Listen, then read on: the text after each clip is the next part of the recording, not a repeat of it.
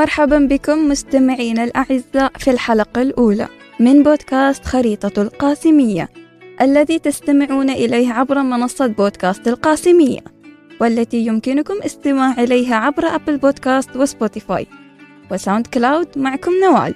سوف أكون معكم في هذه الرحلة المثيرة لاستكشاف العالم من خلال تفاصيل حياة الناس وتقاليدهم في بلدان مختلفة حول العالم.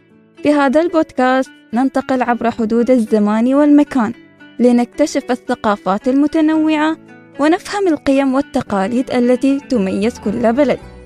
نستمع أيضا إلى قصص حياة الناس ونلقي نظرة عميقة على عاداتهم وتقاليدهم والتي تمثل جوهرهم في تلك البلدان.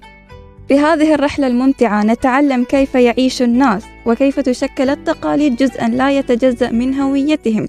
ونستمع إلى قصص النجاح والتحديات التي تشكل جزءا من تاريخ كل مجتمع. وكيف أثرت هذه القصص في تشكيل رؤيتهم للحياة؟ إذا كنتم مهتمين بالسفر عبر الزمان والمكان واكتشاف ما يجعل كل بلد فريدا فأهلا بكم في خريطة القاسمية. وضيفتي لهذا اليوم أميمة هي طالبة من جامعة القاسمية تحديدا من المغرب. أهلا وسهلا. أهلا وأشكرك زميلتي نوال على هذه الاستضافة المميزة. أيضا يشرفني أن أكون ضيفتك لليوم. نشكرك على حضورك في أولى حلقاتنا. نود أن نستكشف معك أكثر عن المغرب وحتى نستكشف هذا البلد الجميل عرفينا عنه بصورة عامة. يعتبر المغرب من الدول الثقافية والتاريخية الغنية. يعود تاريخ المملكة المغربية إلى آلاف السنين. وشهدت المنطقة تأثيرات عديدة من الحضارات المختلفة. وقد كان المغرب محط اهتمام عديد من الشعوب والإمبراطوريات على مر العصور. إذا عرفينا عن أحد المهرجانات التقليدية والتراثية التي تحتفل فيها المغرب. آه، هناك العديد من المهرجانات التقليدية والتراثية في المغرب. ومن أهمها وأشهرها مهرجان موسم الخيل أو طبوريضة تطلق على العروض الفروسية وهي من أكبر المهرجانات التي تضم العديد من الفرسان من مختلف المناطق والمدن في المغرب. ويعد مهرجانا سنويا ويعتبر فن التبوريضة تراثا تاريخيا أصيل. وهي تحاكي الهجمات القتالية في حالات الحروب قديما بطريقة فنية ومشوقة تجذب أنظار وإعجاب الحاضرين. جميل معرفة ذلك. إذا بالنسبة لك كأميمة. كيف يتم تقدير الضيوف في المغرب؟ وما هي الطقوس المرتبطة فيها؟ آه، عرف الشعب المغربي بالكرم والضيافة. فعند قدوم الضيوف في العادة تقدم جميع وأفخم الأطباق التقليدية بالتأكيد آه، مع حضور الشاي المغربي الأصيل والحلويات آه، وتكون السفرة مليئة. فهذه من عاداتنا وتقاليدنا وكما قيل أن الكرم والضيافة من خصائص المغاربة ورمز الهوية المغربية. جميل.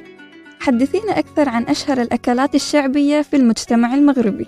المطبخ المغربي معروف بتنوعه ويشتهر بأطباقه المختلفة والنكهات المميزة. يعرف عندنا في شهر رمضان المبارك الحريرة وهي الشوربات تختلف طريقة إعدادها من منطقة لأخرى.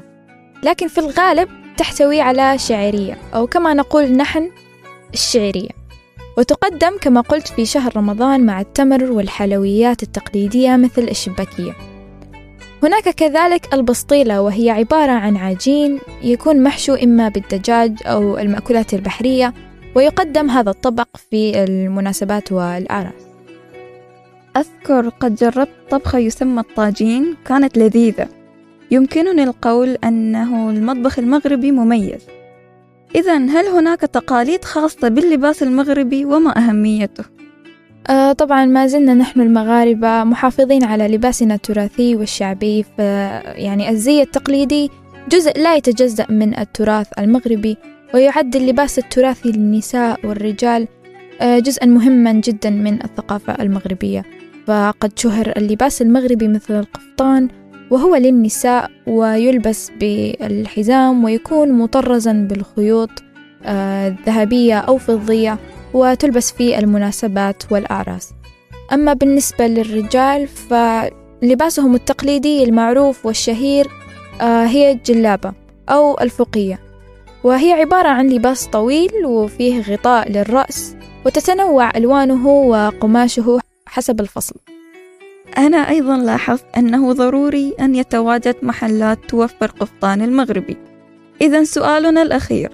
كطالبة من المغرب في جامعة القاسمية كيف هي تجربتك من حيث التنوع الثقافي في الجامعة؟ أنا منذ الصغر اعتدت بشكل كامل على التنوع في اللهجات والجنسيات والثقافات في دولة الإمارات العربية المتحدة فلم يكن شيئا جديدا بالنسبة لي. أو أنا أحب التنوع الثقافي فخلال هذه السنوات اكتسبت لهجات كثيرة وأصبحت قادرة على التعامل مع زميلاتي من مختلف آه، الدول. وبهذا نصل إلى نهاية حلقتنا. ونشكر ضيفتنا أميمة. شكر لك زميلتي نوال. التي سافرت بنا إلى المغرب بكلامها عن العادات والتقاليد التي تتميز فيها هذه الدولة. ونشكركم جميعا على متابعتكم والاستماع إلى قصص الحياة والتراث الثقافي التي شاركتنا به ضيفتنا. نتطلع إلى لقائكم في حلقاتنا القادمة حيث نستكمل رحلتنا لاستكشاف التقاليد حول العالم. شكرا لكم على الاستماع وفي النهاية أقول لكم لنا لقاء آخر في الحلقة القادمة من خريطة القاسمية. كانت معكم نوال محمد تحت إشراف دكتور عمرو عبد الحميد وهندسة الصوت أستاذ عمران.